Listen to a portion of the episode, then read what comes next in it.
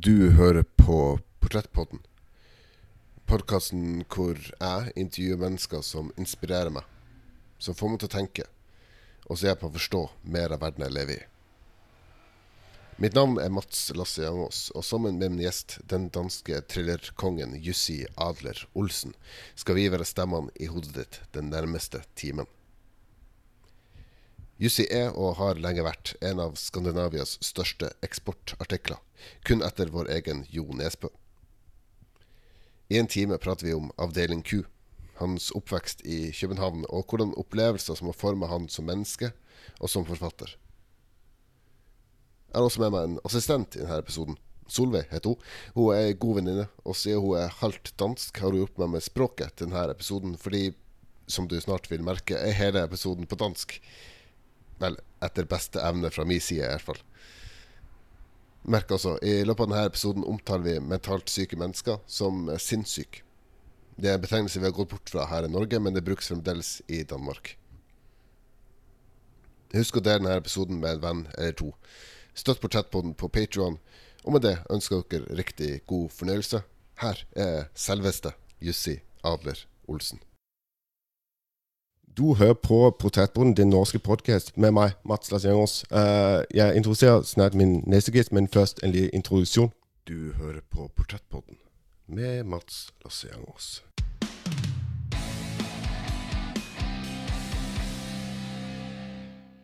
Det stemmer. Du hører på Portrætboden, den norske podcast. Mit navn er Mats Lars Jangers. Um, øh, og mine faste lyttere tænker måske, uh, hvorfor taler du dansk, mand? Øh, uh, og det er af en helt speciel grund. Uh, respekt for min næste gæst. Uh, han er født i 1950 i København. Han debuterede som forfatter med Trin Alphabethuset i 1997. Men hans store gennembrud kom måske med uh, bogen Kvind i bordet, hvor vi som læser introduceres for Karl Mørk uh, og hans Adelen Q for Ulysses Tækker. Den her serie bøger blev hurtigt en stor succes, i, ikke bare i Danmark, men også i store, store dele af udlandet. Uh, han har solgt 20 millioner bøger på 42 sprog, uh, og de læses af ivrige læsere i 125 lande. Den 9. og næst sidste bog, Natrium Klorid, kom lige nu ud i Norge. Uh, den danske kæmpekonge Jussi Adler Olsen er min næste gæst. Jussi, hvordan har du det i dag? Jeg har det fantastisk. Det er jo sommer, det er jo 30 grader varmt, og Ah, jeg elsker varme, så jeg har det fint. Jeg må lige sige, at det er altså ikke 20 millioner, men det er snarere 28. Og det bliver man jo nødt til at sige, når man, øh, når man sidder med en landsmand til Jo Nesbø, som er så meget længere fremme. Så vil jeg ikke nøjes kun med 20, så 27, 28, 28, ja. Okay. Ja, um, måske en landsmand af Jo Nesbø, men jeg er ingen Jo Nesbø. uh, men uh, altså, uh, 28 millioner, det er jo uh, et, et meget stort tal, og uh, har du måske en, en, en følelse, hvor du tænker, nu, nu har jeg lige den, den succes? Uh, jeg, har, jeg har den følelse, at jeg har været der i hvert fald. Mm. Men jeg er meget, hvad man kalder jordbunden på dansk. Yep. Altså, jeg gør mit arbejde, og jeg gør det så godt jeg kan. Og øh, jeg ved, jeg har en masse fans og meget succes, men øh, jeg kan bedst lide bare at være mig selv. Og det vil sige, at når jeg skal tænke over succesen, så, øh, så tænker jeg også over så mange andre succeser. Altså mm. små ting og store ting, som er lykkedes gennem mit liv, og nogle hobbyer, som har været fantastiske, og nogle oplevelser, jeg har haft, som er succes i sig selv. Mm. At, øh, at være så øh, læst rundt omkring i verden, det er næsten det mest succesfulde, at tænke sig, at øh, lige her nu, uanset hvad tid på døgnet det er, så er der måske 100 mennesker, der sidder og læser noget, jeg har fundet på i min, Ja. mit stakkels lille hoved. Jeg synes, det er fabelagtigt og eventyrligt. Og øh, jeg har haft meget glæde af også den økonomiske succes, fordi jeg kunne glæde mange andre mennesker med det. Mm. Så, øh, og, og det er sket på et tidspunkt af mit liv, hvor, øh, nå ja, øh, jeg har prøvet så meget af mit liv, og noget er gået rigtig godt, og noget er gået mindre godt, og det er rart sted at være lige nu. Mm. Men øh, kan man da, da sige, at den, den største succes for Jussi Adler Olsen som, som mand er måske familie og børn, og der det kommer forfatterskabet, eller er, er, hvad er det, det største i, i dit liv? Jamen altså, det bør være det største i, i et hvert menneskes liv, at ens øh, nære relationer er det, der betyder mest. Mm. At øh, det er der, hvor, øh, hvor lykken starter, og det er der, hvor lykken desværre også kan stoppe ganske bræt. Ja. Så jeg skynder på, hvad, øh, hvad jeg har. Øh, jeg har nogle dejlige børnebørn. Den ene er kun to måneder gammel. Jeg har kun to. Og øh, jeg har en nærhed til vores eneste søn, som øh, jeg synes er, er forbilledelig, vil jeg ikke sige det, men som er meget tæt. Mm. Og jeg har været sammen med den samme kvinde i rigtig mange år, og øh, elsker hende højt. Og tror nok, at øh, de fleste mennesker, som kender mig og som er tæt på mig, sætter pris på, at jeg stadigvæk er i live. Mm. Så det er jo rart. Selvfølgelig er det den største succes. Øh, det kunne være gået så grueligt galt, det gør det for mange mennesker. Jeg har selvfølgelig også oplevet private ting, som har været forfærdelige og ulykkelige. Men øh, umiddelbart, så synes jeg, selvom jeg for eksempel har tre meget gamle søstre, som jeg jo ikke beholder for evigt, så synes jeg, at øh, det, jeg har lige nu, hvor jeg efterhånden har skaffet mig tid også til at nyde mine opgivelser, det er nok noget af det bedste, jeg har været ude for. Mm. Den anden succes, det er at være forfatter og sælge godt. Det kan vel sammenlignes med, da jeg var 19 år og synes jeg spillede fantastisk på guitar. Mm. Eller, eller senere hen i livet, da jeg har brugt disse hænder her til at renovere, jeg ved ikke hvor mange huse. Vi har boet i 15 forskellige huse, min kone og jeg. Ja. Og øh, i det hele taget, det at være håndværker ved siden af for sjov, mm. at være kommet fra en akademisk familie og være akademiker, men at være en god håndværker har været en stor, stor lykke for mig. Mm. Så der er mange ting at glæde sig over. Ja. Jeg har også læst i min, min research, at du, du, du øh, blev forfatter, kan man sige, øh, for at være mere til stede, være mere øh, hjemme i dit hus med din familie og dine børn? Der tog jeg så fejl jo. Ja. I de første par år, der var det helt rigtigt. Jeg var hjemme, når min søn han kom hjem og lavede pandekager eller æbleskiver til ham og hyggede mig med ham og tog med til fodbold hele tiden og sådan noget. Og så skete der det ganske besynderlige, og det var omkring 2010, det er sådan 12 år siden, altså overhalede succesen, altså det at være menneske. Og øh, jeg rejste rigtig meget de første par år, 130 dage om året, mm. øh, ud for at promovere og for at samarbejde med mine mange forlag. Det har været en stor glæde og meget fornøjelig og sådan noget. Jeg har mødt vanvittigt fantastiske mennesker alle vegne. Men det stjal jo mit privatliv, det kan man sige, til en vis grad. Mm. Så jeg tror nok, at øh, da jeg for et par år siden besluttede, at nu måtte det altså være nok med alt det der rejseri der, ja. så var der en del lettelse i min familie og mine venner. Og jeg begyndte at tage gamle venner ind i mit liv igen. De, som har været forsømt i nu, 10 år måske, øh, bekymrer jeg mig mere om nu. Ja. Er det der, om man skal, skal uh, søge, er det noget, noget positivt? Er det der godt med en, en, en coronatid, hvor alle, alt er digitalt, og man, man ikke kan, kan rejse så, så langt? Jamen, sådan hænger det ikke sammen. Altså, en af grundene til, at jeg blev nødt til at rejse ud i mange, mange år, det var formentlig nok, at jeg selv havde været forlægger mm. og vidste, at øh, alle i, i, i et udgivelsesled er vigtige. De er vigtige, øh, selvom de sidder i receptionen på et forlag på Askerhav eller et eller andet andet sted, er de vigtige at øh, vise interesse og forståelse for deres arbejde. Fordi så får du en familie. Ja. Og jeg har mange familier rundt omkring. Jeg føler også, at jeg har en del familie i Norge på grund af Askerhav. Øhm, og jo tættere de forskellige mennesker er på en personligt, der har mødt en og talt med en og fået et kram og lidt positive tilkendegivelser om, hvad de laver, jo bedre arbejder de også for dig. Ja. Ja, sådan er det. Masser af ros og, og fornøjelige tidspunkter kan ikke afløses altså af det digitale.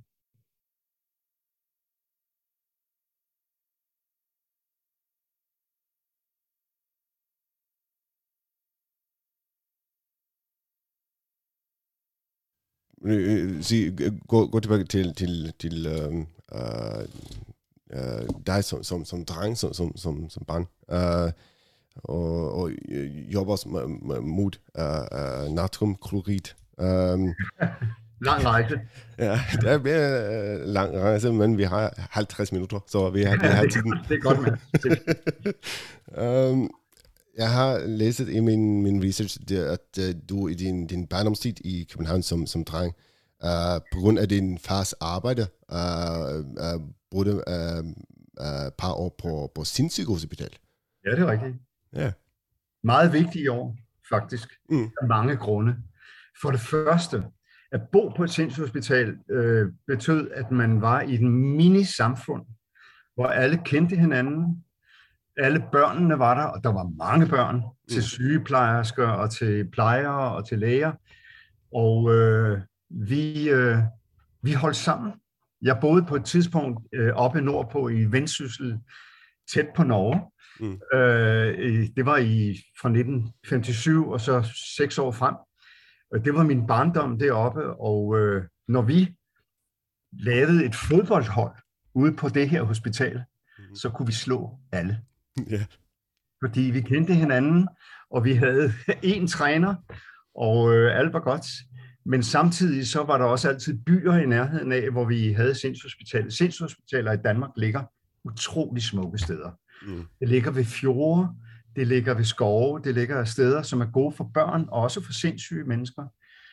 Øhm, og når der så var en by i nærheden, så var det ligesom vores by. Man mm. tog der ind fælles med bus til skole, og bus tilbage igen, eller stå på ski, faktisk, også i Danmark om vinteren. Um, så de minisamfund var jo vigtige, hvad det sociale angik. Hvad min, øh, hvad min opdragelse i forhold til syge mennesker angår, så øh, blev jeg tidligt modnet. Mm. Um, jeg lærte sindssygens øh, fuldstændig mørke side, da jeg var fem år allerede. Og øh, konstaterede, at man kunne ikke hjælpe disse patienter overhovedet andet end ved at binde dem fast, eller give dem elektroschok, eller det hvide snit, eller sådan nogle forfærdelige ting, eller meget, meget hård medicinering. Det var i 55. Året efter, der flyttede vi til et andet hospital, og i mellemtiden, der var psykofarmakaen altså kommet til verden. Så det vil sige, at patienterne lige pludselig kunne møde verden, og at vi kunne møde patienterne, som de mennesker, de var, og vi kunne tale med dem og sådan noget. Og jeg har haft mange venner, lige fra jeg var 6 år, og så frem til jeg var 13 år, øh, blandt sindssyge mennesker. Mm. Og nogle af dem, øh, no, no, nogle af dem de kærligste mennesker, som jeg nogensinde har mødt. Så øh, du ved, jeg har stor forståelse for, hvad sindssygen kan komme af, og øh, hvad den kan føre til. Men jeg har ikke stor forståelse for, hvordan man behandler sindssyg i dag. Ja. Vi har noget, der hedder distriktspsykiatrien i Danmark, og det er en forfærdelig opfindelse. Mm. Øh, rigtig mange sindssyge har stort behov for at blive nørset, for at blive taget hånd om dag for dag.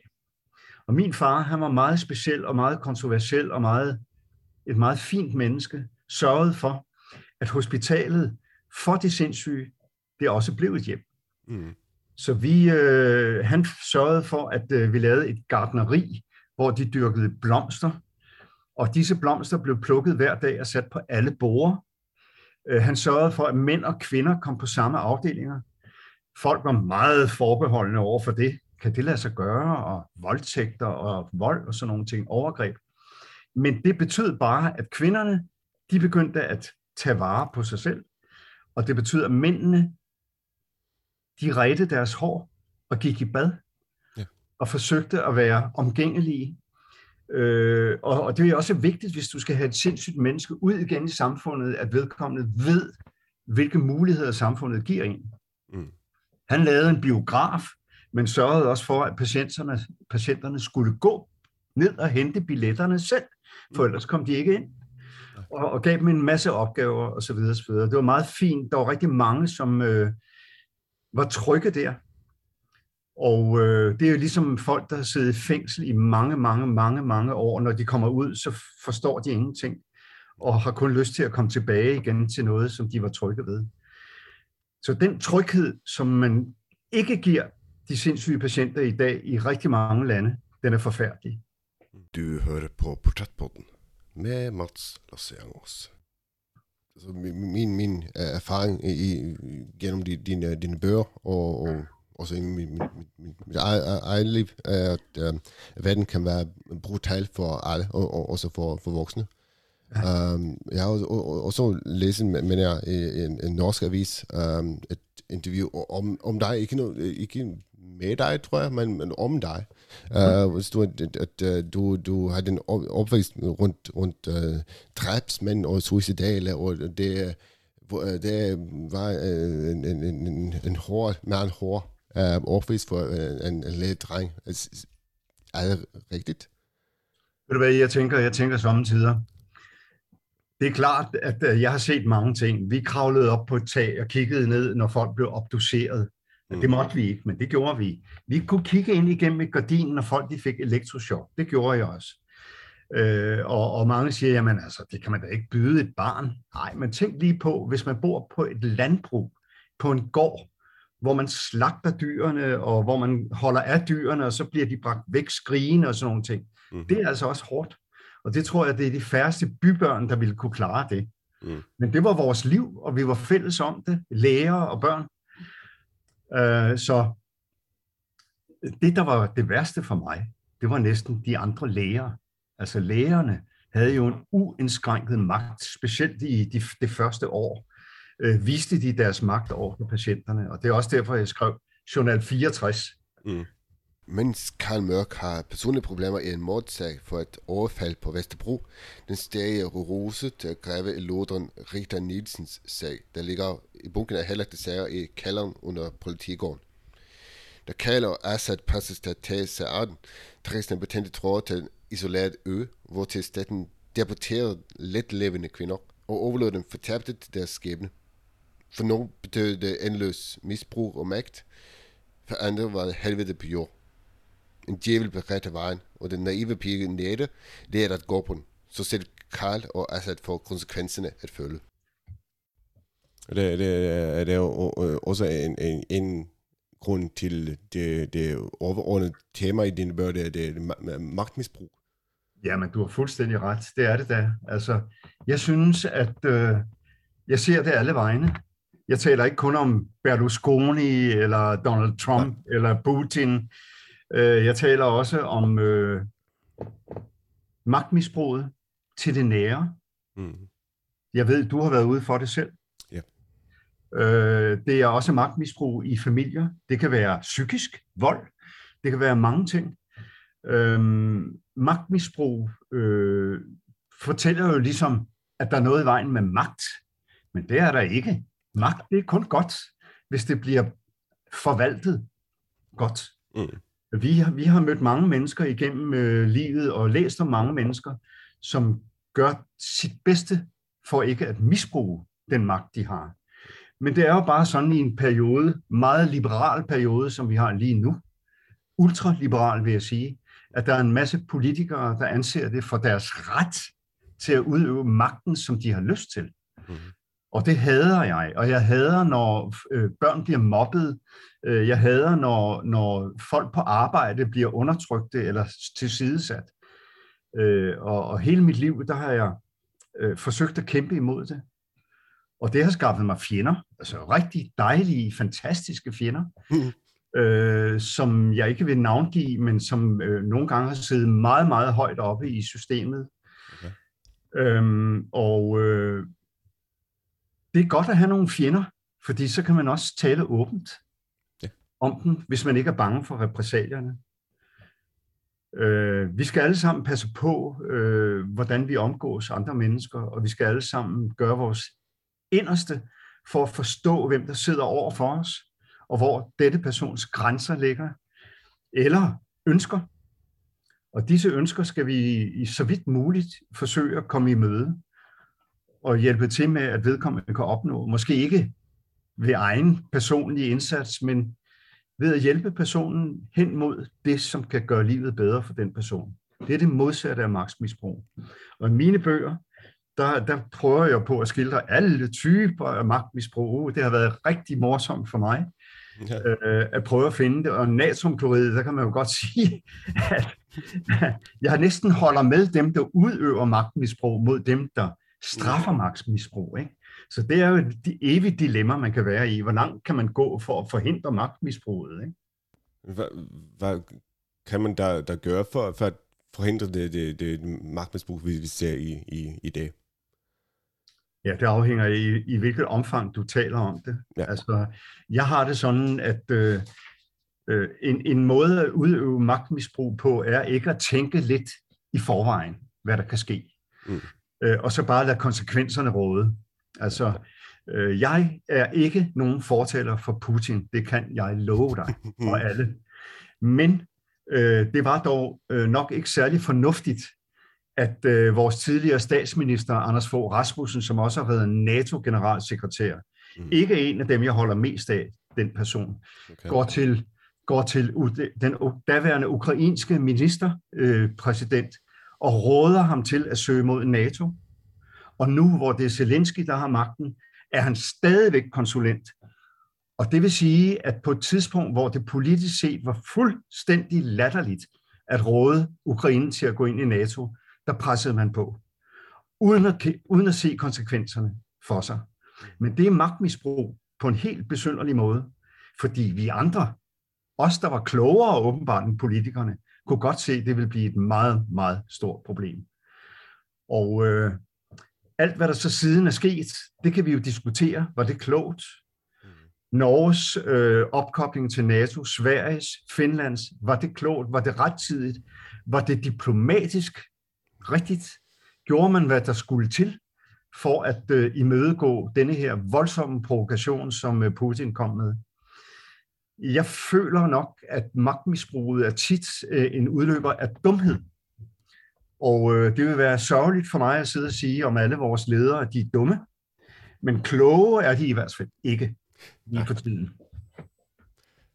Nej, det, det er det ikke. Um, men jeg føler uh, også uh, nogle gange, at man, man i, i møde med, med politikere og de, de i magtpositioner, ja. føler man sig, sig uh, meget lyden og, og magtesløs. Og uh, er det, uh, måske er det et meget poetisk spørgsmål, men, men kan man som forfatter uh, ændre verden i den grad, at man ser forandringen i sit daglige liv?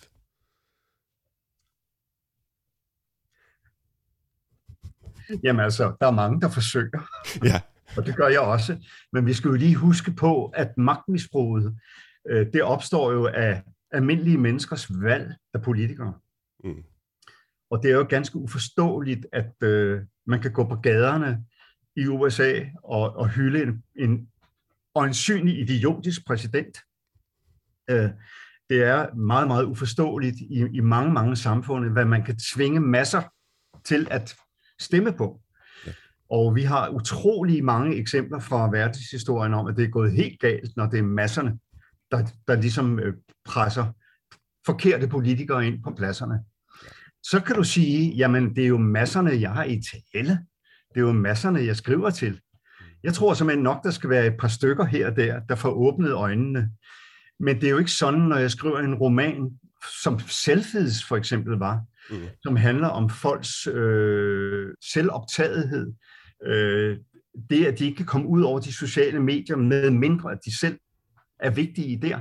Yeah. Øh, det, at de kan sidde i, i et tog og se på deres smartphones, og ikke gøre andet, selvom de måske kender dem lige ved siden af. Det, at det sociale samtale, den forsvinder på mange måder. Det, at meningsudvekslinger bliver tomme, eller for korte, eller forenklede via meget, meget korte tags eller sms'er. Det er jo ikke sådan, jeg tror, at fordi jeg skrev selfies, så gjorde folk opmærksom på, at det skal I nok lige være varsomme med, at folk er holdt op med det. Mm. Jeg har dog mødt nogen, som siger, at jeg har tænkt over det, og jeg er ikke lige så aktiv længere, som jeg har været. Og så kan der nogen, der kan sige, jamen kan du bare ændre nogle få menneskers meninger omkring nogle ting, så, så er du da nået et stykke af vejen. Jeg er ikke helt der. altså, jeg tror, jeg, jeg, var, jeg var en af cheferne for fredsbevægelsen i øh, Danmark i, i, øh, i 1980'erne. Og øh, det var vi af den enkle grund, at vi kunne se, at der var ved at blive opstillet SS-22-missiler i Tyskland, som var rettet ind mod Sovjetunionen. Og øh, så startede vi fredsbevægelsen, og vi blev magtfulde, meget magtfulde. Jeg var med til at arrangere en demonstration i Bonn, hvor vi var over en million mennesker. De danske demonstrationer, der var vi også over 100.000, og vi var over det hele. Og øh, det nyttede noget på det tidspunkt. Men ved du hvad? Det var en anden tid. Det var en tid uden digitalisering, det var en tid uden Google, smartphones, alt muligt, hvor man ligesom bliver overruled. Og det giver selvfølgelig bad existence, altså de dårlige mennesker, meget bedre vilkår til at få hinanden i tale. Ja. Og dengang, der var det sådan, at det var næsten kun de gode mennesker, som kunne tale sammen via vores demonstrationer og ting og sager. Alle de andre, de var bare sådan fraktioner derude et eller andet sted, og betød ikke noget magtmæssigt. Det gør de i dag, på grund af internettet. Det kan vi ikke gøre noget ved. Men når jeg nu skriver natriumklorid, så er det jo fordi, der foregår så mange ting, som er ikke diskuteret. Altså kviklån, som det hedder i Danmark. Et lån, som en person kan tage, og øh, blive ved med at tage, betyder jo, at massevis af mennesker er røget dybt ned i uføret i en endeløs, bundløs, økonomisk dårlig situation. Hvad betyder det? Ja, det betyder, så kan vi få nogle tv-programmer, som handler om disse mennesker, og hvordan vi kan hjælpe dem til at undgå det. Det betyder ikke, at politikerne siger, det må vi stoppe nu og her. Nej. Det bør vi gøre. Der er, der er tale om det nu i Danmark, men det er ikke min skyld. Det er jo Nej. tusindvis af menneskers ulykke, der er skyld i det. Mm. Og på samme måde, altså i, i, i gamle dage, der var spil. Øh, det var noget, som staten varetog, og det skulle bruges, øh, de penge, der kom ind på tips og på lotto og hvad det hed, skulle bruges på øh, sport og ungdomsformål øh, øh osv. I dag der er der så mange spil, hvor pengene går direkte ned i lommerne på rige mænd, der sidder i, øh, i, i lande, som ikke betaler skat. Og det skal bare forbydes. Væk med det. Det dur ikke. Og det er også et dumt altså at bruge sin tid på at spille sine penge. Ikke? Man kan læse rundt omkring, jamen her der er der 84 84 procent chance for gevinst. Ja. ja, ja, men det betyder samtidig, at der er 16 procent sikkerhed for, at du taber pengene. Ja. Det skal vi lige huske. Men folk glemmer det, og de lader også berømte mennesker, altså fodboldspillere og sådan noget, reklamere gerne for, hvor fantastisk det er at spille, og tænk på, hvad man ikke kan vinde. Mm. Jeg skal gerne indrømme, at når der er en Eurolotto, som vil smide 741 millioner danske kroner i nakken på en person, så kan det da godt være, at jeg bruger en 100 seddel den ene uge, ikke? men så er det altså også bare der. Ikke? Ja. Jeg synes, at øh, det er for dårligt, at øh, vores statslige institutioner tillader fri spil. Mm. Og de siger selvfølgelig, ja, men det er under kontrol. Ja, my ass. Det er det overhovedet ikke. og så er der jo mange andre ting. Vi havde en, en udmærket øh, borgmester i København, som gik meget ind for cyk, cykel, øh, cykelstier og lukkede mm. mange gader af, hvilket gjorde det virkelig, virkelig vanskeligt at bevæge sig rundt i København for eksempel. Men som samtidig jo øh, også betød, at de cyklister, som nu havde mange flere gader at cykle på, stadigvæk cyklede på de meget få øh, veje, hvor biler kunne køre, og har lavet utrolig mange ulykkelige situationer, hvor øh, forfærdelige ulykker er sket og sådan nogle ting. Og så er jo cyklisterne i København, de er jo militante, mange af dem. Altså, de er da ligeglade med fodgængere og sådan noget krapyl, ikke? som skal over et cykelstien. Så jeg synes kun, det var da fristende, når man træder ud af en bus og skal gå hen over cykelstien, og de ikke holder tilbage, hvilket de jo skal, at stikke en lille paraply ind i hjulet på dem, så kan de lære det. Så du ved, jeg har bare moret mig øh, med små og store øh, urimeligheder i vores samfund i natriumklorid. Om det kommer til at ændre noget, jeg håber ikke, det kommer til at betyde, at folk begynder at stikke paraplyer ind i cykelhjulene på folk. Nej. Men det kunne da godt være, at der var nogen, når de gik ind i teatret, ikke stikker rumpen i, i, lige ind i hovedet på en, når de passerer ind på rækkerne, men i stedet for høfligt vender sig om og siger goddag, og så lige går videre. Det kunne da være hyggeligt. Ja. Men det er meget småt, ikke? Men de store, de store øh, ting, der sker i natriumklorid, er selvfølgelig ganske, ganske alvorlige. Mm. Natriumklorid er 9. og den seneste bog i Jussi Aller Olsens krimiserie om afdelingen Q og Karl Mørk, som skal opdage en række overvækkende selvmord og ulykker, mens et skræmmende mønster tænder sig. Et selvmord i 2020 har berørt Markus Jacobsen dybt. Men noget ved sagen er stadig uopklaret, og derfor indledes efterforskningen på ny af efterforsker Karl Mørk og hans afdeling Q. Sagen stedet sig hurtigt og et skræmmende mønster opstår blandt en række markante personers dødsfald. Der var første øjekastning af ulykker og selvmord. Rose, Assad, Gordon og Karl må indse, at det kun er et spørgsmål om tid, før næste offer må lade livet. Jeg har haft det virkelig fint med at skrive den roman. Den har ligget nu her i 10 år og ventet på at komme. Jeg vidste, at jeg ville lave den, hvor jeg kunne udfordre moraler og etik. Hvad jeg ikke vidste i 2005, da jeg udtænkte denne her, var, at moral og etik er i den grad et helt andet sted, end det var i 2005. Og meget, meget hyggeligt at skrive om. Ja. Men, øh, øh nu, nu, du, når, når øh, nu lige den, den, den sidste bog. I den Ved du, hvad det hedder? Kommer, det hedder øh, den seneste bog. Ja. Ah, undskyld. Den ja, der kommer en sidste bog snart. Det gør der. Okay, ja. Uh, men den, den, den plan, du, du, du havde, når, når du, du startede der uh, arbejde med den her serie, det, det, det skulle være uh, 10 ja. bøger. Det skulle uh, 6, uh, 10, 10 kapitler. Um, og den, jeg mener også, det, den første sætning i første bog, og den sidste sætning i sidste bog skulle passe sammen. Hvorfor ved du dog det? Uh, jeg, jeg har gjort Nå, du har tænkt dig. Ja. Du er en klog mand, Mads. Så siger vi ikke mere om det. Nej, okay. Um, men uh, det, det betyder, at, at du, du, du har en uh, klar plan uh, hele, hele vejen? Uh, ja, det er rigtigt. Ja, det, det, det er korrekt. Men ja. den har selvfølgelig måttet justeres undervejs. Altså mm. øh, offer 2117 handlede jo om øh, et meget fredeligt land, Syrien. Dengang. Ja. Det var det mest fredelige land i Mellemøsten, det er det ikke mere. Jeg måtte lige justere mig lidt ind på den. Ikke? Og sådan har det været med alt. Ja. Altså samfundet, det, det overhaler jo hele tiden en. Sjældent til det bedre. Øh, mm. Så jeg har haft mere og mere at, at tage vare på, og mere og mere at skrive om efterhånden, som serien er løbet frem. Og jeg er glad for, at jeg ikke startede 20 år før og havde planlagt 5 bøger. For hold nu kæft, det var da gået helt amok. du har lidt problemer, Sonja, kan jeg se. Solvej. Har du problemer, Solvej? Kan du høre os? Høre os. Ja. Nå, Solvej, Solvej, er du Solvej. der? Nå, men du klarer det også så fint, Mats. Du klarer det så fint. Ja, okay, du er meget, godt. meget god. Det er du virkelig. Tak. Er godt. Uh, uh, det, det er betyder, mere. Uh, godt at høre. Um, men uh, hvis vi går en, en, en, en lige stykke tilbage, uh, den, den, den, den tid på de, de sindssyge hospital, den, um, det, det, de, de oplevelser, de, de erfaringer, uh, og den, den empati, den du um, uh, Hej igen, Solvej. Uh, hej, hej. Det var godt. Ja, den empati, jeg udvikler, ja. Ja. Uh, uh, ja. Mm. Ja. Jeg mistede bare lyden. Uh, jeg skulle undskylde. Uh, vi har været i kø i lang tid her.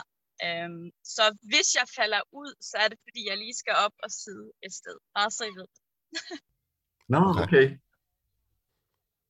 Ja, ja, men vi følger godt med. Vi kan godt se, hvad der sker der. Ja.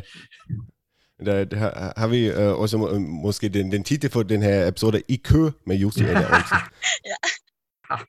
ja. Nå, men tilbage til spørgsmålet. Den empati, jeg udviklede, ja. Den, den empati, du har udviklet, uh, uh, uh, bliver den, uh, går den over i dit forfatterskab også? Uh, gør det, at, at du har mere erfaringer, mere af de, disse historier, du, du kan benytte for karakterer, for scenarier og for, for, for hændelser? Ja, det er da helt sikkert.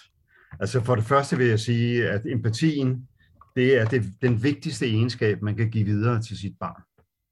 Mm. Altså, hvis, hvis, og ens venner og ens omgivelser, hvis, hvis alle var empatiske, så havde vi ingen krige. Der var mange ting, der ikke var sket. Empatien er også en grim følgesvend nogle gange. Min søn, øh, han er noget af det mest empatiske menneske, man kan forestille sig. Men det er da også en klods om benet, når du skal gå forbi i Barcelona, hvor vi er hver eneste vinter, gå forbi 10 tiggere, som af forskellige grunde bare er faldet helt til bunds. Man kan ikke bare gå forbi, det er svært, men vi kan heller ikke give alle. Så hvordan, hvordan gebærder man sig? Hvordan klarer man empatien i det daglige? Det vil sige, uden empati, så havde mine bøger ikke været gode.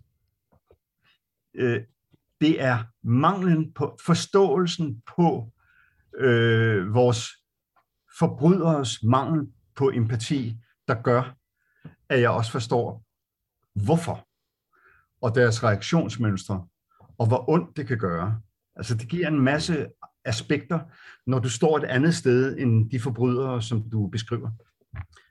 Øh, men empati, det er mange ting. Altså det er for mig mest af alt respekt øh, for den person, du sidder overfor, og øh, respekt for den persons øh, følelser, i højere grad end persons meninger.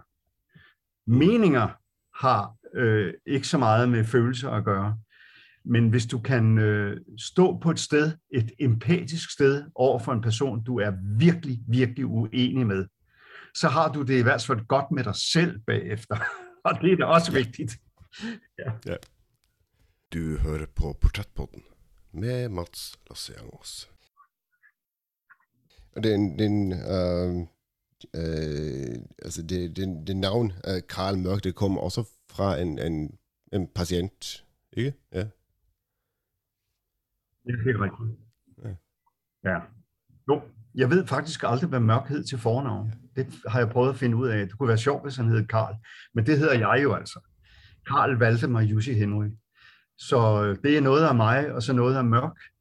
Mørk, han, øh, ham mødte jeg i 1956. Jeg var seks år gammel. Øh, jeg var lige kommet i skole, men jeg vidste ikke så meget om, om, om ret mange ting. Men han var klog. Han kunne hjælpe mig med mange ting. Og øh, han havde slået sin hustru ihjel øh, i et øh, opgør, øh, som, som øh, han blev sindssyg af. Ikke var det før, men blev sindssyg over sin egen ugerning. Nu forsvandt Solvej. Hej med dig. Øh, og det betød for mig, at øh, jeg måtte gå til min far og spørge, jamen far, altså hvad er det for noget? Øh, nogen siger, at han har slået sin kone ihjel. Ja, siger far, det er rigtigt, det er meget ulykkeligt, og han kommer nok aldrig over det. Vi må hjælpe ham til at, at leve med sin smerte. Øh, øh, han kommer ikke til at gøre det igen. Øh, det, var, øh, det var, jeg vil ikke kalde det et ulykkestilfælde, fordi det var en, et resultat af mange års kamp imellem hustru og mand, men ulykken skete altså alligevel. Og jeg gik så til Mørk og øh, betragtede ham som øh, mere eller mindre rask men fyldt med sorg. Og han fik lov til at lære mig mange ting. Han gav mig en lille kat, og det, øh, jeg lærte at passe på den. Han øh, fortalt mig om, om, om mange spændende ting i livet, øh, som jeg tog til mig.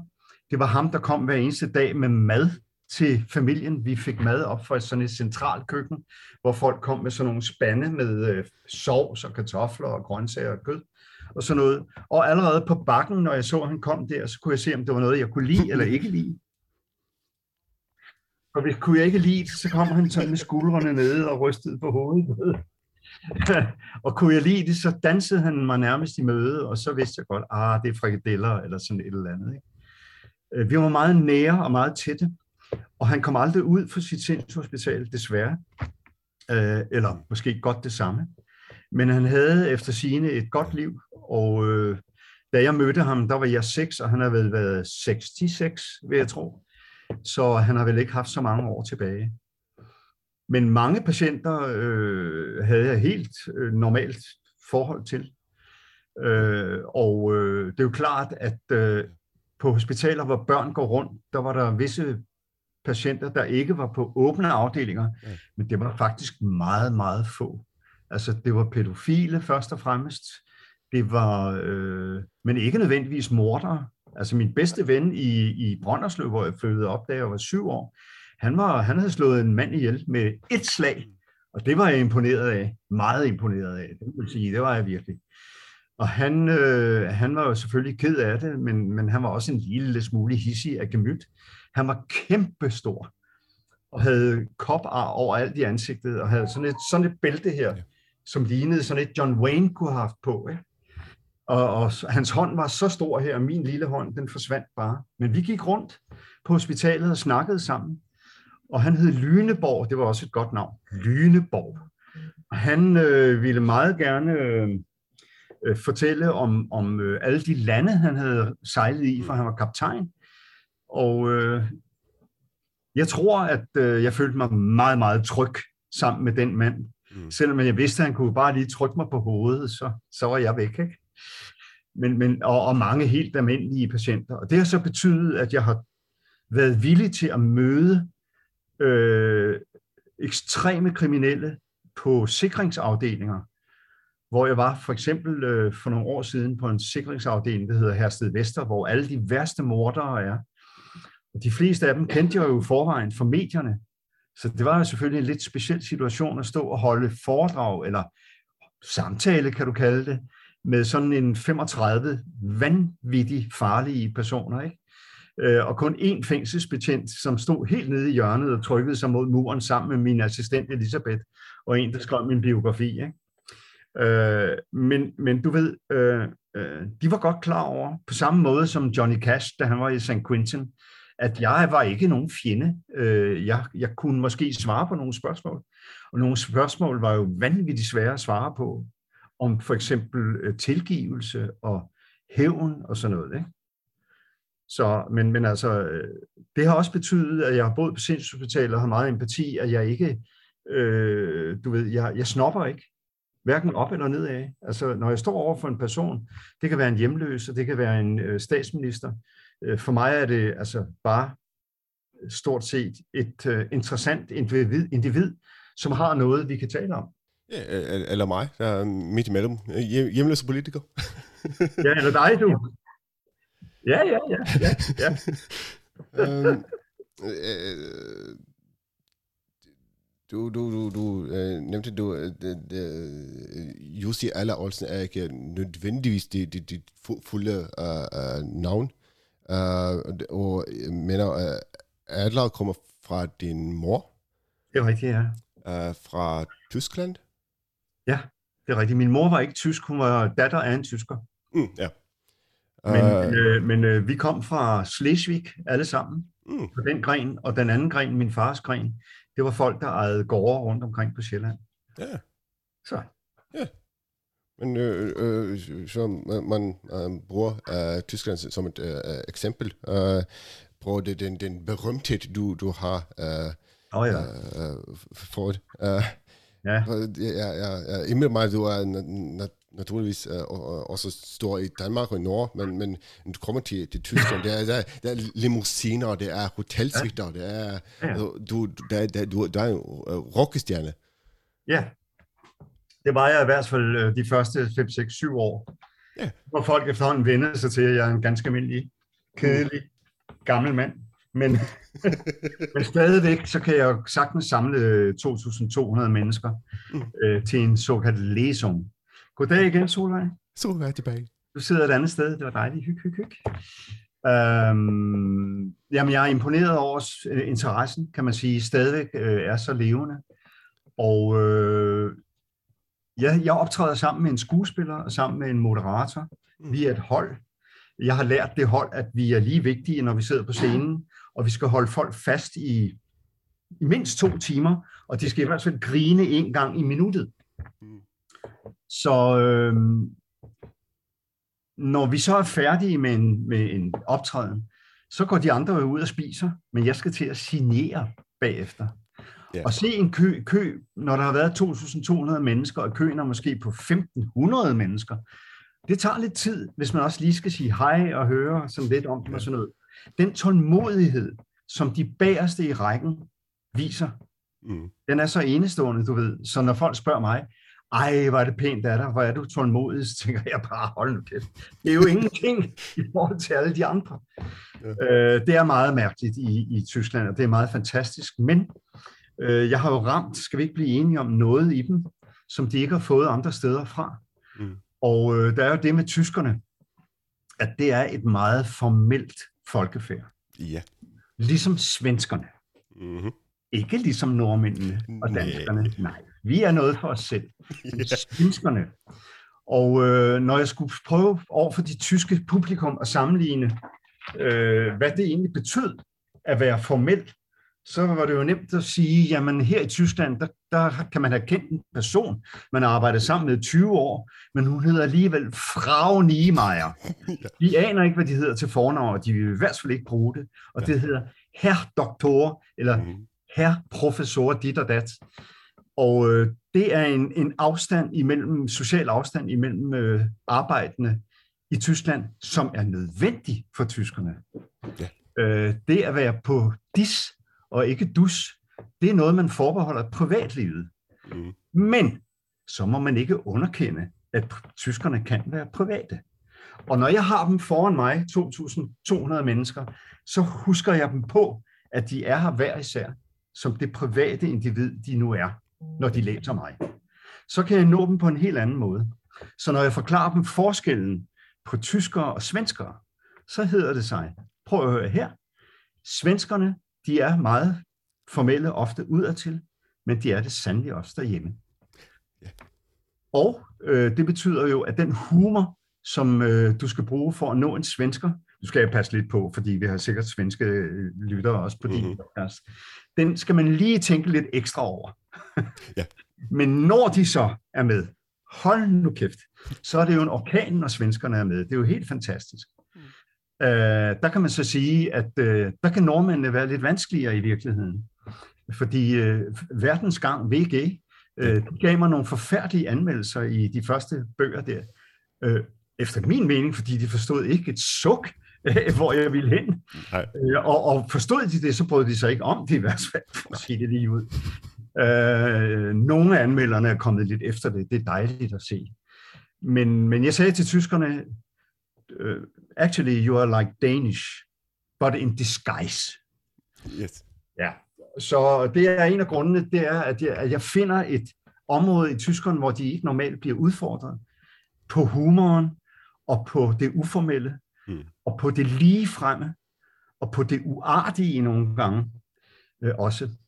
Så, så den rammer jo lige ind, og der er også andre, altså, som synes, det er sjovt. Det tog lidt længere tid med franskmændene, fordi de, de er sgu så uartige i forvejen. Men så kunne de godt se, at der var alligevel noget med humoren der, som de ikke var vant til. Nej. Og også nogle øh, måder at turnere en, øh, en, en, en thriller-historie på, som ikke var normalt i, i, i Frankrig. Plus at jeg var uhøjtidelig, hvilket øh, thrillerforfattere i Frankrig mm. ikke er ret tit. Nej. Så det var nemt at komme til dem som person. Mm.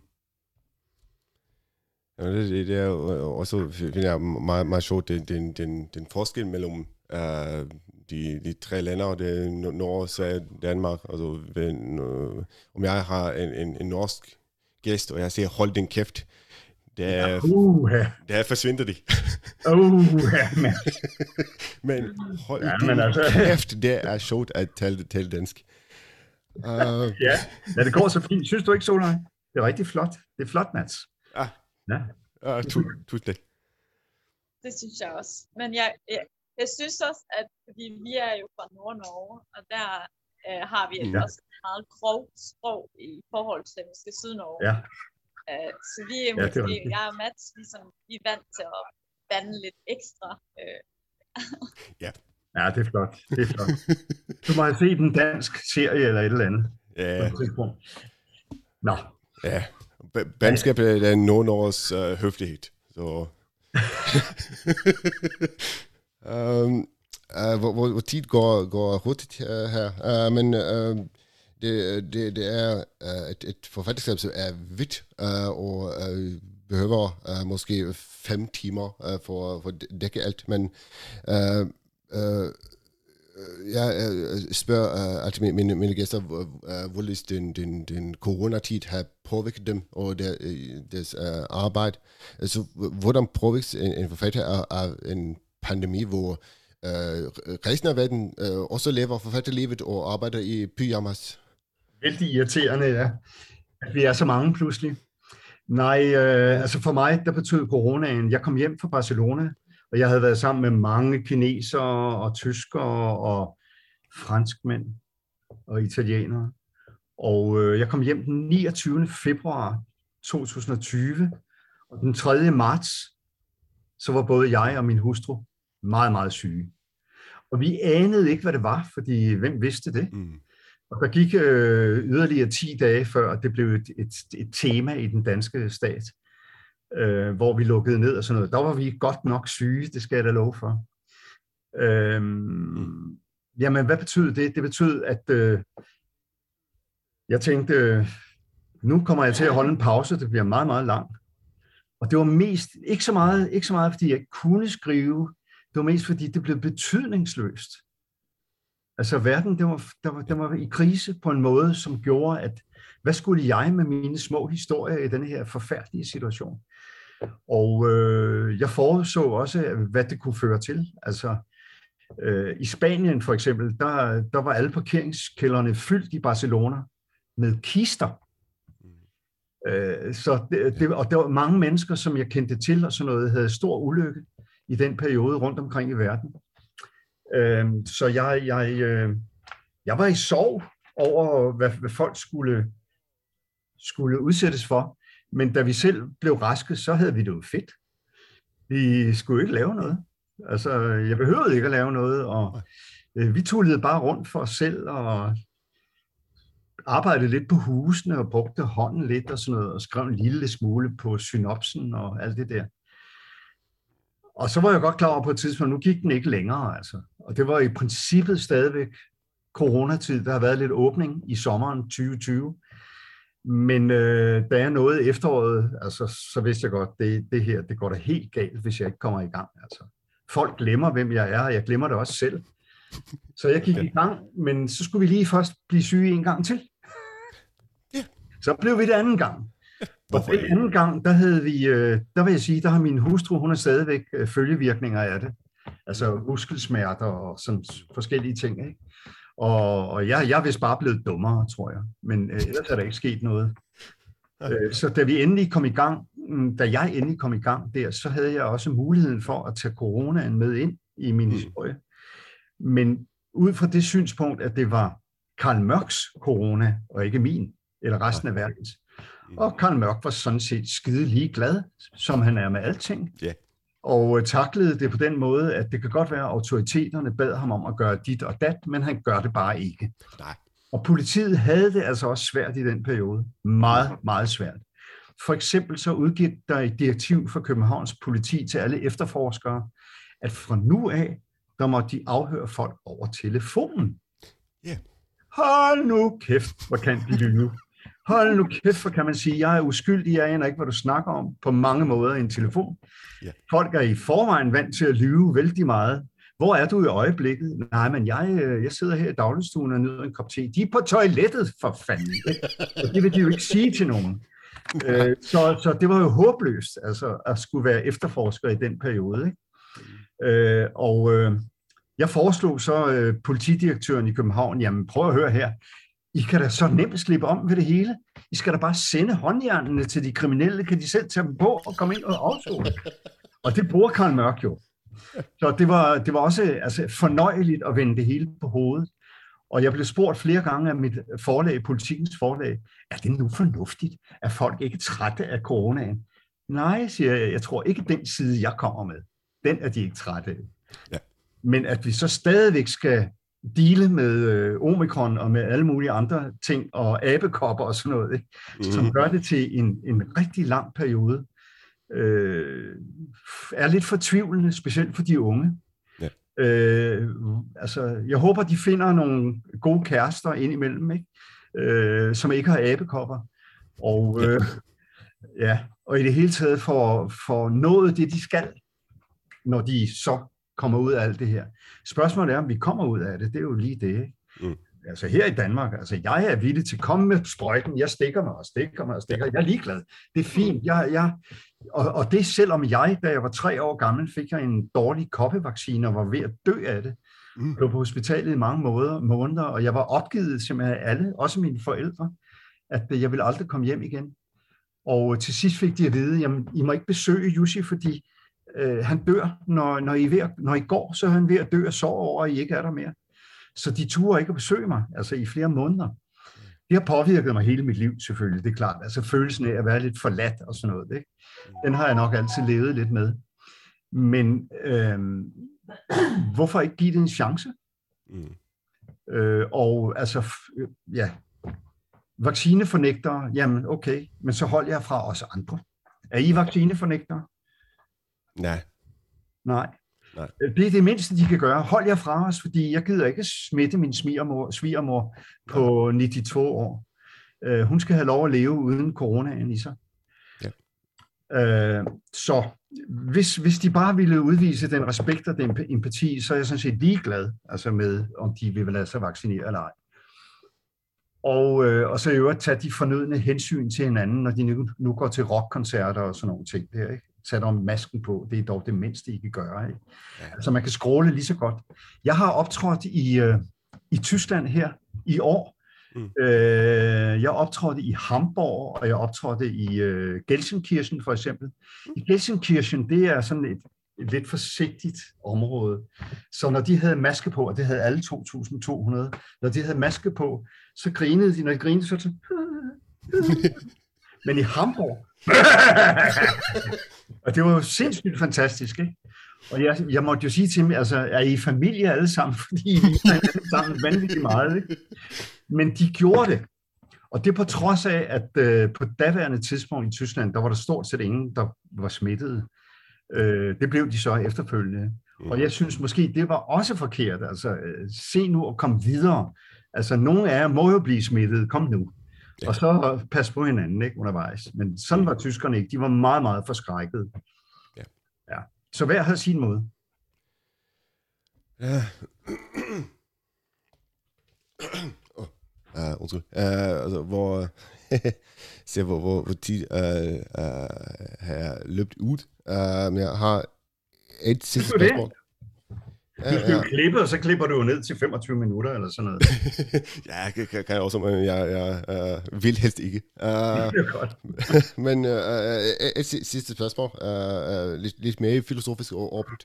Uh, uh, når uh, en gang i fremtiden, når, når afdelingen Q er afsluttet, uh, og du tænker, du nu har jeg sat sidste punktum i bogen, uh, er det der... Uh, på, på sofaen, fødderne på bordet, øh, nu har jeg, nu, nu er jeg mægt, nu er jeg færdig, øh, eller tænker du, åh, jeg, jeg, jeg må øh, arbejde videre? Altså, det norske udtryk, jeg må arbejde videre, ah, det ja. kan oversættes til dansk, jeg bliver nødt til at arbejde videre. Det gør jeg altså ikke. Det oh, gør okay. jeg ikke. Ikke overhovedet, Mats. Mm-hmm. Jeg føler ikke, jeg skylder nogen noget, sådan set. Nej. Men jeg kan da godt afsløre her, og det bliver ikke filosofisk. Jeg laver numre. Yeah. Ja. Yeah. Og en enkelt standalone bliver det jo i hvert fald til. Okay. Så, altså, men, men, men øh, min mission i livet her er jo først og fremmest at trække vejret så længe som muligt. Og øh, det kan jeg gøre lige så vel ude på fodboldbanen, eller foran fjernsynet, eller foran tastaturet, som jeg sidder med her. Mm-hmm. Øh, jeg, øh, jeg må ikke skrive nødvendigvis. Mm. Øh, jeg startede sent i livet med at skrive, og jeg havde prøvet mange, mange andre ting, og nogle af de ting vil jeg vende tilbage til. Øh, spille lidt øh, guitar og øh, mm. lave lidt håndværk og øh, skrive lidt imellem og være sammen med vennerne og se en masse fodbold og sådan noget. Ikke? Mm. Så øh, jeg, jeg ser ikke nogen filosofisk fremtid for mig. Altså, det bliver ikke et manifest, jeg kommer til at skrive med alle mine erfaringer og livserfaringer og sådan noget. Der var en, der lavede en biografi øh, med mig for en 5-6 år siden, og jeg tænkte, ja, okay. Altså, han skrev godt. Det var derfor, jeg sagde ja. Og han var en hyggelig fyr at være sammen med, så vi kunne rejse sammen lidt her og der. Men der kommer ikke en biografi mere. Nej, det gør der ikke. Der, der kommer ikke noget... Øh, der kommer ikke sådan noget, en, en politisk, ny politisk ideologi. Jeg går ikke ind i politik heller øh, og vælger et eller andet parti. Det kan man i øvrigt ikke i Danmark. Der er ikke noget parti at vælge. Mm. Så desværre. Så øh, jeg tror, det bliver numrene, som øh, I ude i verden vil komme til at, at se. Ja. Det, glæder vi os meget, meget til. Uh, med det uh, må jeg uh, bare uh, sige tusind tak til Jussi Aller Olsen, for at han tog sig tid til at være med i den her episode af min podcast. Det var en fornøjelse, Mads. Du har hørt på en episode av Portrettpodden. Podkasten med meg, Mats Lasse Jangås, og min gjest i denne episoden var selveste Jussi Adler Olsen. Min takk til Jussi for at han tok seg tid til å være med i denne episoden. Takk også til Solveig for all hjelpa forut for og bidrag i episoden. Husk at du kan støtte Portrettpodden på Patrion for å sørge for at det kommer flere sånne her episoder i fremtida. Har du gjort deg noen tanker mens du har hørt på? Har du ris eller ros eller tips som skulle komme, kan du rette det til Portrettpodden sine Facebook-sider, eller på e-post til portrettpodden at gmail.com. Portrettpodden arbeider i henhold til Vær varsom-plakatens regler for god presseskikk. Takk for nettopp du hørte på. Og vi høres snart igen.